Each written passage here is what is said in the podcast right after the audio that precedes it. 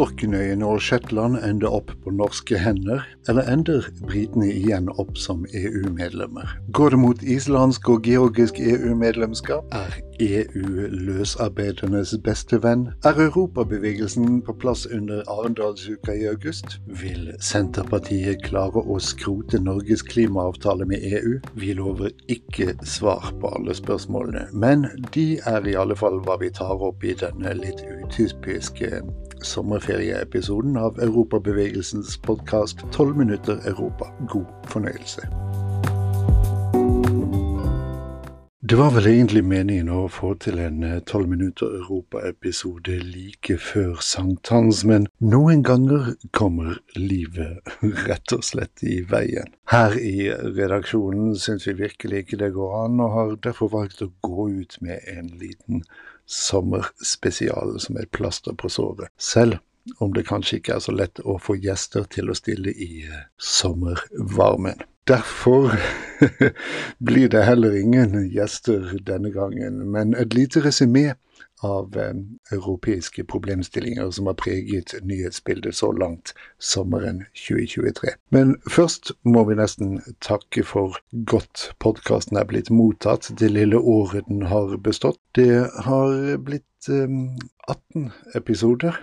Du får heller tilgi at vi har forlatt podkastens vanlige format, der vi normalt er veldig eh, smack boom bang rett på. Det ble nok litt eh, utenomsnakk i denne sommerepisoden, men nå til saken, eller People have got to remember we were longer in history part of the Norse Kingdom than we've ever been part of the United Kingdom.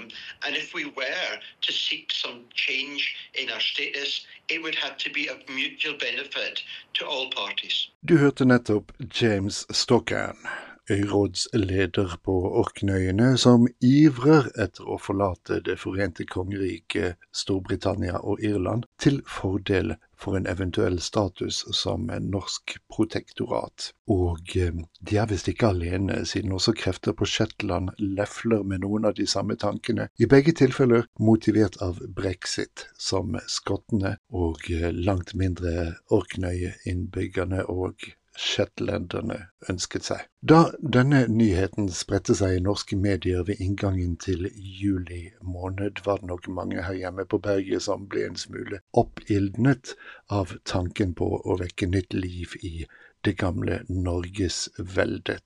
Nå mangler det bare at gjemtlendingene Hjemtlendingene og herjedølene ønsker seg tilbake til gamlelandet, men det spørs vel om de er stort mer keen på å forlate EU enn britene er anno 2023. Og skal vi nå først være helt ærlig, er vel sjansen for at britene gir slipp på Orknøyene og Shetland like store som svenskenes interesse for å overlevere Jämtland og Herjedal til broderfolket i vest. En um, undersøkelse gjennomført av analyseselskapet YouGov på forsommeren viste at hele 58% av britene ville stemme for en britisk gjeninntreden i EU om spørsmålet igjen skulle komme opp til avstemning, og et stort flertall av britene sier at de stoler mer på EU-kommisjonen enn på den britiske regjeringen. Med andre ord, om det britiske folket overhodet har noe de skulle ha sagt, bærer det mot at britene på et eller annet tidspunkt vender tilbake til Fallen, og med det forsvinner det viktigste motivet for at Orknøyene og Shetland forlater UK,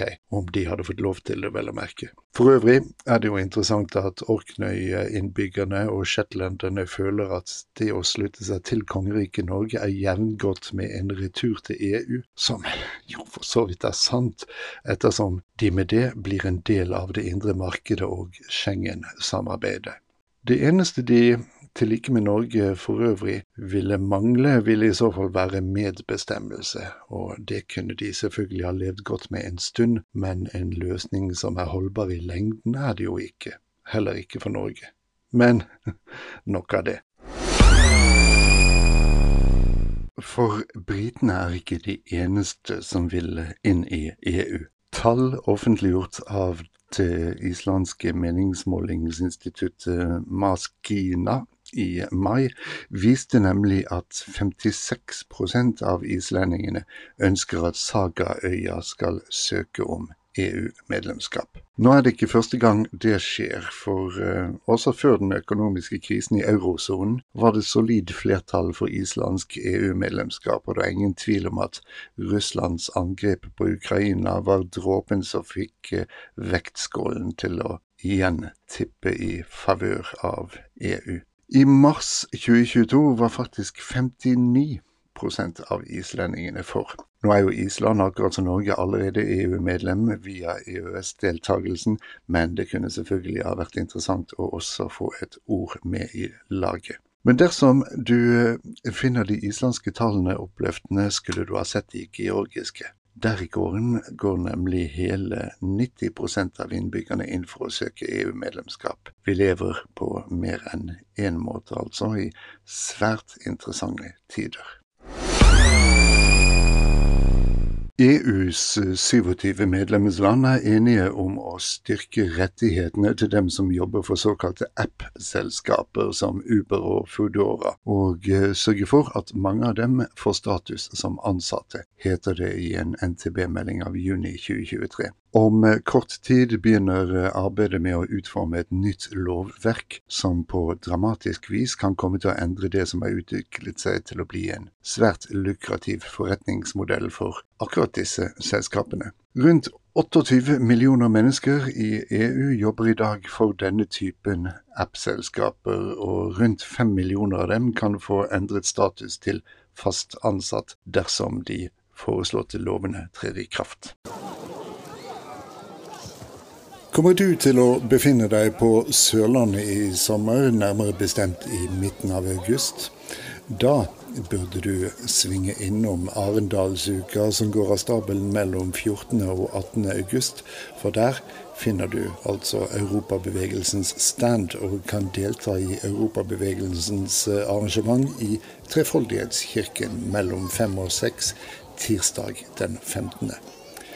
Temaet for arrangementet er demokratiske verdier under press i Europa, der tiltak som kan bidra til å snu utviklingen, diskuteres av Berit Lindemann, generalsekretær i Helsingforskomiteen, Jan Erik Grindheim, professor i sammenlignende politikk og spesialist på Norge, EØS og EU, Carl Henrik Knutsen, professor i statsvitenskap, demokrati, autokrati og regimeendring, og europabevegelsens leder Heidi Nordby Lunde. Vi håper å se deg der. Tirsdag 15. august mellom fem og seks. EU-kommisjonen tar eh, sikte på å få bukt med den enorme mengden tekstilavfall, og lanserer nå tiltak for en mer sirkulær klesproduksjon. Hvert år produserer EU-landene 5,2 millioner tonn tekstilavfall, der bare en brøkdel blir gjenvunnet. Dette vil EU-kommisjonen gjøre noe med, bl.a. ved å skjerpe kravene til tekstilprodusenter. Dette forslaget kommer til å føre til investeringer i gjenvinningsinfrastrukturen for tekstiler, skape lokale jobber og støtte innovasjon, hevder miljøkommissær Virginius Sinkivisius i en pressemelding. For å skjerpe reglene for produsenter vil EU-kommisjonen innføre et såkalt obligatorisk forlenget produsentansvar, som allerede finnes for batterier og annen elektronikk. Det kan gå mot eh, klimauenighet i regjeringen om en oppdatering av klimaavtalen med EU. En del av denne avtalen omhandler EUs skog- og arealpolitikk, samt hvordan opptak av utslipp av klimagasser regnes ut. Nå henger Norge etter egne klimamål, og aktører i Senterpartiet vil melde Norge ut av den delen av avtaleverket som handler om skog og spørsmålet blir da om Norges delaktighet i EØS-avtalen kan komme til å henge i en tynn tråd. I en felles pressemelding går fem miljøorganisasjoner ut og krever at Norge står ved avtalen med EU, der det bl.a. heter at å forlate samarbeidet med EU ville åpne en lang rekke spørsmål rundt naturlig karbonlagring, og dermed også alt som gjelder hvordan man kan oppnå netto null utslipp i Norge. Vi mener det ville være helt uansvarlig om regjeringen forlot dette samarbeidet nå, mener Anja Bakken Riise, leder i Framtiden i våre hender. Klokkene ringer ikke bare for britene, men også for tolv minutter Europa er redd. så skulle dette også bare bli en superkjapp uh, sommerepisode. Og her i redaksjonen klapper vi oss på skuldrene med et lite mission accomplished. Vi håper du har en enestående sommer der du er, enten du akter deg til Arendal i august eller ei med løfter om å være på lufta igjen, i alle fall når ferien er over, om ikke før. Tusen takk for denne gang. Ansvarlig redaktør for 12 minutter Europa Fredrik Mellem, og jeg heter Jarle Petterson.